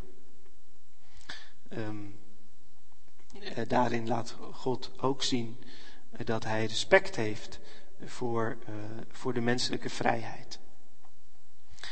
Um, voor Job betekent dat wel dat hij een prijs moet betalen. Job herroept zich. Maar wat herroept Job dan eigenlijk precies? Volgens uh, Gutierrez herroept Job uh, dan uh, de gezindheid van het jammeren en het klagen waarin hij gesproken had. De woorden van God hebben volgens hem laten zien dat die houding van jammeren en klagen, dat die niet gerechtvaardigd is. Eh, Job gelooft na die onthulling uit het antwoord, uit het onweer, uh, zonder nog te hoeven klagen. Hij gelooft nu echt om niet. Hij erkent dat God geen gevangene is van het schema, jij geeft mij iets, ik geef jou iets. Uh, geen enkel menselijk werk verdient de genade. Dat is volgens hem het hart van de boodschap van Job. En vanuit die ervaring komt er dus juist ruimte over, uh, ja, om ook profetisch uh, uh, op te komen voor het recht van de armen. Maar dan niet meer klagend, niet meer als iets waar je puur recht op hebt, um, maar um, ja, als iets waar je wel recht aan wilt doen. Dus eigenlijk nog weer een heel andere kijk op, op het boek Job vanuit uh, de situatie van de ontrechten in uh, Latijns-Amerika. Nou, uh, waar heeft dit alles ons nu gebracht? als we nu aan het einde zijn gekomen van deze lange bezichtiging. 2000 jaar uitleg van het boek Job in een aantal belangrijke figuren. Um, je zou je allereerst kunnen afvragen, wat moet je eigenlijk met al die verschillende visies? Uh, zoveel, ook echt verschillende visies op veel punten. Uh, ik weet niet hoe je dat ervaart. Uh, misschien zeg je vooral, nou, ehm, eh, verwarrend, moeilijk. Ehm, ik hou het liever gewoon bij wat ik er altijd bij gedacht heb. Um, dat is een, een, een reactie die ik nog wel eens merk. En die, uh, ja, die ook wel raakt misschien aan waar Kushner zijn uh, boek mee begint. Um, leidt al dat nadenken en die theologie eigenlijk niet tot allerlei uh, moeilijkheden en spitsvondigheden. die eigenlijk het gewone kinderlijke geloof eerder verwarren en verstikken. Um, en juist als je dan erachter komt, de Bijbel is in al die eeuwen zo verschillend uitgelegd. Uh, kun je gaan denken, ja, hoe moet ik nou ooit nog dan weten wat er echt staat, of wat er echt bedoeld wordt, of wat het echt voor mij betekent. Um, en dan kun je de neiging krijgen om terug te vallen op wat je altijd al geloofd hebt. Als je dat kunt tenminste. Er zijn mensen die dat natuurlijk niet kunnen omdat die gewoon heel diep in zichzelf de neiging hebben om vragen te stellen. Um, maar ja, anderen die verlangen daar dan misschien wel naar. Um, Is dat dan verkeerd? Nou ja, ik denk wel dat je dan moet bedenken bij jezelf, doe je daar dan de Bijbel recht mee? Uh, want dat kinderbijbelgeloof, wat bij ons vaak het sterkste geloof is, uh, dat is denk ik als het om het boek Job gaat, het geloof wat alleen het kaderverhaal kent. Het verhaal van de hoofdstukken 1, 2 en, uh, en 40, volgende. Uh, het verhaal van een vrome man die uh, alles verloor, maar toch gaf hij zijn geloof niet op en daarom gaf God hem alles terug. Um, maar dan moeten we wel bedenken dat dat verhaal in de eerste plaats misschien toch een beetje te simpel is om als gelovige nog zo te kunnen aannemen. Maar in de tweede plaats alleen al kwantitatief aan het boek Job natuurlijk geen recht doet. Uh, omdat het overgrote deel van die tientallen hoofdstukken uh, bestaan uit die felle discussies en debatten. Waarin ook een heel andere Job naar voren komt. Um, dus ja, terugvallen op dat kindergeloof wat je altijd al hebt gehad. Um, dat, en daarmee dan suggereren dat je daarmee de Bijbel wel recht doet.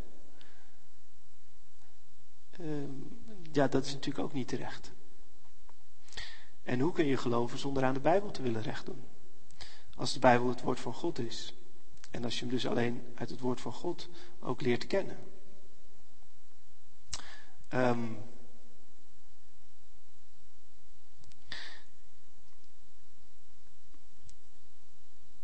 dus waarom verdragen wij het eigenlijk zo moeilijk? Om te erkennen ja, dat die geschiedenis van de Bijbel er zo is, met al zijn verschillende uitleggingen, en dat we daar dan ook gewoon in mee willen doen. Zoals al die anderen dat hebben gedaan, oprecht zoekend naar de betekenis, maar ook de betekenis in onze eigen context natuurlijk. Um, waarom verdragen we eigenlijk überhaupt die lange dialogen van het boek Job zo slecht? Um, waarom kunnen we het wel verdragen dat er elke zondag uit het evangelie wordt gepreekt. Maar stel dat ik het zou bedenken om gewoon het hele boekje op door te preken. 42 zondagen achter elkaar. Ik denk dat, dat we dat eigenlijk niet zouden volhouden. Um, maar dan moet je weer de vraag stellen waarom eigenlijk niet. Zit daar niet impliciet toch ook een soort negatieve kijk op het Oude Testament achter? het Oude Testament dat maar spreekt over al die moeilijke dingen en uh, dat worstelen met God, uh, wat we liever inwisselen voor uh, een zoete Jezus. Daarbij veronderstellend dat dat in het evangelie naar voren komt. Met andere woorden, wij maken allemaal beelden van God. En het heeft in die zin geen zin om je ogen te sluiten voor het feit dat die beelden er ook door alle twintig eeuwen heen uh, van de Bijbel gemaakt zijn. Het enige wat je kunt doen is daar zelf met je eigen verantwoordelijkheid uh, toch weer uh, ook aan deelnemen. Um, kun je de Bijbel dan alles laten zeggen? Die suggestie zou je misschien kunnen krijgen als je zo een aantal verschillende uitleggingen hebt gehoord. Um, dat is ook wel eens wat gezegd wordt. De Bijbel is zo rijk, zo breed, uh, is op zoveel verschillende manieren uitgelegd. Je kunt de Bijbel eigenlijk alles laten zeggen. dat is toch eigenlijk denk ik niet het geval. Um, als je het boek Job vergelijkt, eh, wat dat zegt over God en het lijden, als je dat bijvoorbeeld vergelijkt met wat er in andere godsdiensten en levensbeschouwingen over het lijden wordt gezegd, dan is dat onmiddellijk duidelijk um, dat, um, dat de Bijbel uh, iets anders of een heleboel dingen niet zegt. In de Oosterse godsdiensten gaat het er eigenlijk om dat je aan deze wereld ontsnapt. Deze wereld is negatief. Uh, en het gaat er eigenlijk om dat je aan deze wereld ontsnapt. De Bijbel zegt deze wereld is goed, want deze wereld is schepping. Het hele concept schepping, uh, wat in Job juist stand blijft, bevestigd wordt. Um, en wat ook maakt dat er een schepper is. Um, en wat ook maakt dat de Satan nooit gelijk aan God kan zijn. Uh, heel die basale structuren komen eigenlijk uh, in andere godsdiensten niet voor. Ehm, dus het is volledig onzinnig om te, laten om te zeggen dat je de Bijbel alles kunt laten zeggen. Ehm, bovendien uh, kun je ook wel aanwijzen, terugkijkend denk ik, dat bepaalde uitleggingen echt fout zijn. Niet, niet in overeenstemming met, met de tekst van het boekje op zelf. Uh, ik denk in de eerste plaats dat we wel hebben ontdekt dat de manier waarop Job eigenlijk ook in de spreekwoorden en spreektaal is terechtgekomen, namelijk dat we spreken over een Jobs geduld, dat dat niet overeenstemt met het Bijbelse beeld. Het beeld dat, dat, er, dat er in de loop der eeuwen sterk over Job is ontstaan, is uh, dat Job een geduldig mens is, het, het voorbeeld van een geduldig mens die alles maar draagt en verdraagt. Um, nou, dat komt precies door dat kinderbijbelgeloof waarin alleen dat kaderverhaal functioneert. Uh, alleen de tekst, de Heer heeft gegeven, de Heer heeft genomen, de naam des Heeren zijn geloofd. En ook die tekst, nog op een heel eenzijdige manier.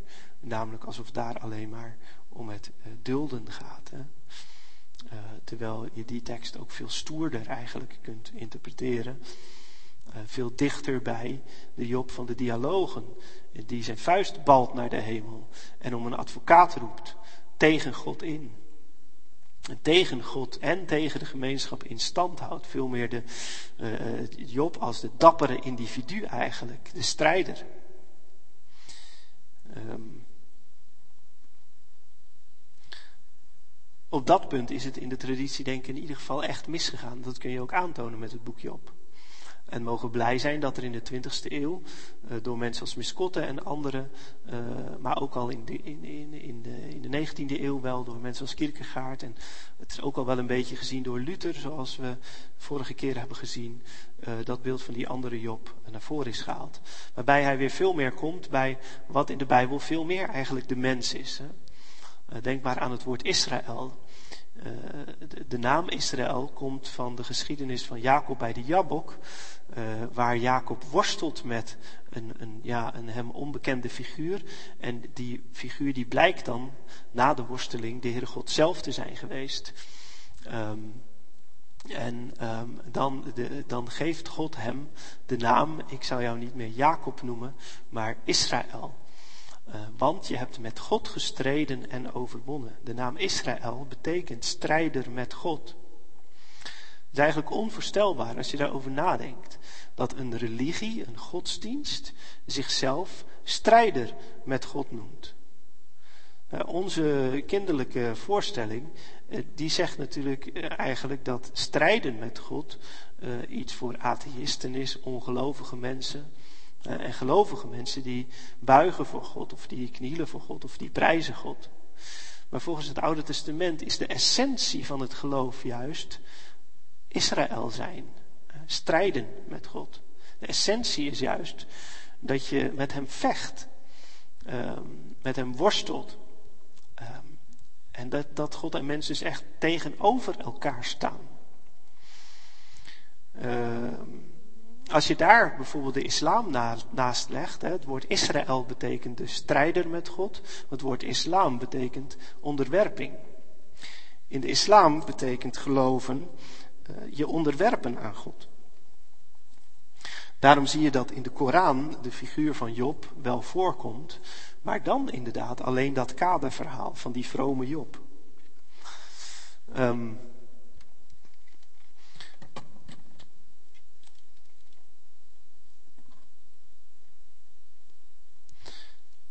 dus dat kunnen we in ieder geval toch wel concluderen. Um, dat dat echt verkeerd is geweest. Um, de Job die alleen maar duldt en, um, en draagt. Um, dat doet het boek geen recht. Wat ook echt fout is, denk ik, um, dat is bijvoorbeeld de interpretatie van Kushner. Een respectabele interpretatie. Uh, ook begrijpelijk dat mensen na, uh, um, na de Tweede Wereldoorlog en na alle ellende waarin het ook in zekere zin het Joodse volk uh, helemaal boven het hoofd is gegroeid, dat een deel van de mensen kiest voor die radicale oplossing van we moeten gewoon afscheid nemen van de almacht van God. Um, dat is begrijpelijk, maar um, hij maar hij kan zich daarvoor, zoals we hebben gezien, echt niet op het boek Job eh, beroepen. Uh, zijn beroep op de laatste toespraak, het antwoord van God uit het onweer, uh, om daaruit de, de, onmacht van God te halen. Um, ja, daarvan kun je denk ik echt wel aantonen dat, die niet, dat je daarvoor niet op Job kunt beroepen in ieder geval. Ook tamelijk zwak uiteindelijk lijkt mij de interpretatie van Gutierrez, um, omdat hij het profetische kijk, zijn punt is op zich ook duidelijk. Hè. Hij wil zeggen van uh, in de kerk moet ruimte zijn voor het pro profetisch protest. Maar ik zou dan zelf zeggen, uh, ja, beroep je daarvoor dan ook op de profeten. Maar je daarvoor beroepen op het boek Job, dat vond ik zelf in ieder geval ook eigenlijk toch niet sterk. Omdat ook waar Job zegt van ik heb, ben altijd voor de armen opgekomen enzovoorts dat toch veel meer uh, staat in het kader van een heel uh, debat, wat veel meer als wijsheidstheologie te, te interpreteren, geïnterpreteerd moet worden. en dus eigenlijk toch als een rustig nadenken. Je zou kunnen zeggen, de wijze ja, is toch in principe niet zozeer iemand die zegt er mogen geen armen zijn. Maar de wijze is toch veel meer iemand die zegt, net als Jezus, de armen hebt u altijd bij u. Maar hoe moeten we dat begrijpen? Wat zegt God daarvan? Uh, dat is natuurlijk veel meer het boek Job. Het boek Job is niet zozeer een protest tegen het lijden of tegen armoede, maar het stelt veel meer de vraag van, gezien het feit dat de armoede en dat het lijden en dat de ellende er is, uh, ja, hoe, hoe, moeten we dat zien in het licht van God? Um, nou, wat je denk ik ook wel, uh, wel uh, uh, toch wel zwak kunt noemen, is uiteindelijk die interpretatie van Girard. we hebben gezien dat, dat Girard juist het kaderverhaal helemaal loslaat. Um, omdat hij dat helemaal niet kan gebruiken in zijn, in zijn interpretatie. Dus hij doet precies het omgekeerde van de traditie eigenlijk. Die neemt alleen de dialogen voor waar aan. Dat betekent dat eigenlijk de Satan als handelend persoon helemaal verdwijnt uit zijn interpretatie. maar verder is het natuurlijk ook sowieso een hele sociologische interpretatie. Um, waarbij die veronderstelling dat de tekst in feite gaat over een sociaal mechanisme, namelijk het zondebokmechanisme, uh, wel denk ik interessant is. Ehm, maar toch uiteindelijk ook onvoldoende serieus neemt. Wat nou het eigenlijke thema van het boek Job is. Namelijk wat toch veel meer ligt op het vlak, denk ik, van de vraag: um, wie is God nou eigenlijk? Nou, dan hebben we natuurlijk nog, uh, hè, dus, dus ook op dat punt kun je niet zeggen van, ja, het maakt allemaal niet uit. Vaak is toch wel te zeggen van, die heeft het meer bij het rechte eind dan die. Dan blijft er natuurlijk nog wel genoeg over. We hebben het dan nog over Luther, over Kierkegaard, over Soesman, over Jung, over Miskotte, over Van de Beek. Nou, ik denk dat je daarvan moet zeggen, die hebben allemaal wel iets gezien waarvan je moet zeggen, dat zit ook echt in het boek Job. Um, en dat is dan eigenlijk, ja, uh, in ieder geval hoe ik dat zelf zie. Uh, de, wat mij betreft wordt zo'n boek als Job daar dan eigenlijk niet minder mooi van, maar eigenlijk juist mooier van. Um, um, het laat ook de kracht van de, uh, van de Bijbel, het woord van God, wordt ook daarin geopenbaard dat. Um, ja, dat het in de geschiedenis die verschillende verwerkingen in verschillende contexten oproept. Je kunt van een Luther in de 16e eeuw ook moeilijk verwachten dat hij precies hetzelfde in de Bijbel leest als een Kierkegaard in de romantiek of een, een Miscotte uh, in de, uh, en een Van de Beek in de, in de 20e eeuw. Um, en de kracht, uh, maar dat zij in die verschillende contexten toch steeds weer ja, uh, uit het boek Job kunnen halen wat die tijd nodig heeft, laat natuurlijk ook iets zien van de kracht van, van de Bijbel als, als woord van God. Um, en daarmee kun je ook denk ik zeggen um, dat God de Bijbel ook zo bedoeld heeft dat daar altijd als het ware een, een, een tegoed in zit. Hè? Um, uh, dat de Bijbel eigenlijk zelf ook iets oneindigs heeft. God is oneindig en wij zijn eindig. En dat betekent dat wij God nooit kunnen omvatten. Maar de Bijbel zelf heeft ook iets oneindigs. Een oneindige diepte eigenlijk. Daarom heeft de, de, de kerkelijke traditie eigenlijk ook nooit gezegd dat, de Bijbel, dat een Bijbeltekst maar één betekenis heeft. Het is de verlichting geweest en het verlichtingschristendom dat een heel klein poosje heeft gezegd uh, de Bijbel heeft eigenlijk maar één betekenis. En dat is uh, de historische, letterlijke betekenis. En uh, het orthodoxe, zogenaamd orthodoxe christendom, want het was denk ik juist helemaal niet het orthodoxe, maar het zichzelf orthodox noemende christendom, heeft toen ook gezegd, die, daarom moet alles in de Bijbel historisch zijn. Uh, want dat is de enige betekenis. Als dat uh, voor het boek Job zou gelden, dan zou dus de enige betekenis van het boek Job zijn uh, ja, dat er ooit een meneer Job is geweest die dit heeft meegemaakt. Dat is dan de enige ware betekenis. Um, maar dat is eigenlijk wat de hoofdlijn van het christendom nooit gezegd heeft. We hebben uh, vorige keer bij Gregorius gezien dat die een viervoudige schriftzin hadden. Dus volgens Gregorius had elke, elke Bijbeltekst een, uh, uh, vier betekenissen. Eén letterlijke historische betekenis. Hè, dus bij, uh, een klassiek voorbeeld is bijvoorbeeld het woord Jeruzalem. Hè, als het nou bijvoorbeeld gaat in, de, in de psalmen over Jeruzalem, dat ik bemin. Um, nou, dan heeft dat woord volgens de traditie vier betekenissen. Uh, de middeleeuwse traditie. Het betekent natuurlijk de historische stad Jeruzalem. Dat is de eerste letterlijke betekenis. Maar het heeft ook een geestelijke betekenis. Dat is de tweede betekenis. Het heeft ook een morele betekenis. Uh, dan, dan staat de, uh, Jeruzalem eigenlijk voor de kerk en voor het leven in de kerk. En de vierde betekenis is dat het ook nog een eschatologische betekenis heeft. Dus een betekenis die te maken heeft met het eindtijd. Dus Jeruzalem staat ook voor het nieuwe Jeruzalem dat we uit de hemel verwachten. Dus die middeleeuwse traditie was eigenlijk veel rijker uh, dan, dan veel uh, moderne, hedendaagse, zogenaamd orthodoxe ideeën, die zeggen, suggereren dat de Bijbel maar één betekenis heeft. Um, en um, daar, ik, ik, denk dat je ook op die manier kunt omgaan eigenlijk met waar we vorige keer ook even tegen aangelopen zijn. Van um, dat ook binnen het geheel van de Bijbel Job eigenlijk natuurlijk nog maar één uh, stem is. Ook als het gaat om de vraag naar uh, God en het lijden. We hebben gezien dat, dat, dat het boek Job ook later waarschijnlijk na de ballingschap is opgekomen. Ook als een reactie op wijsheid van voor de ballingschap die veel meer geloofde in dat de wereld wel logisch in elkaar zit. Wie goed doet, goed ontmoet. En wie een kuilgraaf voor de ander, die valt er zelf in. De wereld zit logisch en begrijpelijk in elkaar en God bestuurt dat allemaal.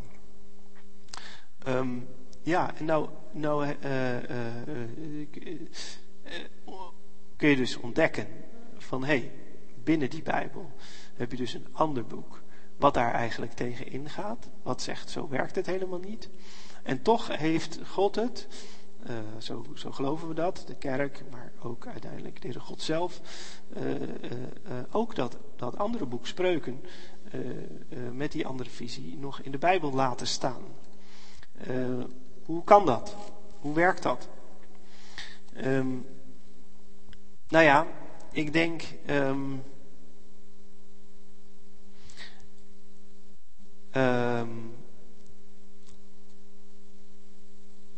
hoe kan dat? Hoe werkt dat? Nou ja, daarmee eh, wil de Bijbel in ieder geval zeggen dat ook al staat het boek Job in de Bijbel, uh, daarmee is niet die oude visie definitief onjuist verklaard. Um, En ik zie dat dan eigenlijk zo dat de Bijbel ons toch wel blijft stimuleren in het zoeken naar tekenen waarin wij de gerechtigheid en het handelen van God wel direct kunnen aanwijzen. Als het boek Job het enige was wat we konden zeggen over God en het lijden, dan zouden we alleen maar kunnen zeggen: ehm, ja, de wereld is een chaos, God kunnen we niet begrijpen, ehm, maar we kunnen ja, hem toch, uh, we worden toch opgeroepen ons aan die God die we nooit zullen begrijpen, uh, toch toe te vertrouwen. Maar um, dat zou toch weer te weinig zijn. Uh, omdat namelijk die logica van dat het altijd zo is dat het goede gezegend wordt en het kwade bestraft, dat de logica daarvan wel doorbroken moet worden, maar dat de Bijbel ons toch wel wil stimuleren in het zoeken naar tekenen waarin het wel gebeurt. Want soms is het wel zo dat uh, de rechtvaardige beloond wordt en de goddeloze gestraft. Soms is het wel zo dat de moordenaar de volgende dag al gepakt wordt door de politie en levenslang achter de tralies verdwijnt. Soms is het wel zo uh, dat je gelukkig getrouwd bent en dat je je gezegend voelt met je kinderen. En dat je dat ook in het geloof zo beleeft. Dat God jou als gelovige daarin tegemoet komt en zegent. Uh, en we zouden God ook tekort doen als we al die zegen uh, maar zouden ontkennen. Maar dat betekent dus wel dat we ja, inderdaad met een Bijbel zitten die bijvoorbeeld op een vraag als deze uh, ja, verschillende antwoorden toelaat. En ik denk dat het een uitdaging is om dat te zien als een verrijking in plaats van als een verarming.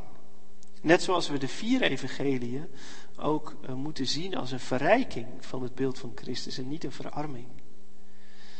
Er heeft wel eens iemand tegen mij gezegd: waarom heeft de God niet gewoon op drie A4'tjes heel duidelijk verteld wie Jezus is? En hebben we nu vier verschillende evangeliën met vier verschillende visies op wie Hij is. Ja, mijn antwoord daarop zou zijn: omdat Christus veel te groot is om op drie A4'tjes te passen. Hij is zelfs veel te groot om in vier evangeliën te passen. Maar met vier verschillende evangeliën kun je in, ieder geval laten zien dat zijn heil uh, ook iets onbevattelijks heeft. Uh, dat die Bijbel dus net als God iets oneindigs heeft. Um, dus dat is eigenlijk een beetje, denk ik, waar, waar, waar zo'n lezing van het boek Job door de eeuwen heen ook toe brengt. Van ja, nadenken over de rijkdom eigenlijk die ons ook in de Bijbel is uh, geschonken. Uh, en dat we eigenlijk proberen bij onszelf een beetje af te leren dat verlangen uh, naar ja, dat het allemaal misschien wat meer klip en klaar zou zijn. Dat zou ook niet bij het leven passen, want het leven is ook niet klip en klaar. Um, nou, ik denk dat ik het hier maar bij ga laten. Het is sowieso alweer veel te lang geworden. Um, maar nu ga ik echt amen zeggen. En uh, wie, um, ik hoop dat het deze of gene uh, vreugde heeft gedaan. iedereen die mee heeft gedaan dit jaar aan de verdiepingskring, heel erg bedankt voor jullie bijdragen en inbreng. Uh, sommigen hebben dat ook heel persoonlijk gedaan door uh, iets van het boek Job te verwerken en zo ook zelf nog mee te doen in de receptiegeschiedenis, de werkingsgeschiedenis van Job. Ik herinner me een mooi gedicht en een mooi schilderij uh, en een mooi essay. En mocht iemand wat dat betreft nog iets op zijn hart hebben, dan, dan verneem ik dat ook graag. En ik hoop dat het niet al te lang meer duurt voordat we elkaar in levende lijven weer we kunnen uh, zien. Um, dat was het. Uh, tot een volgende keer.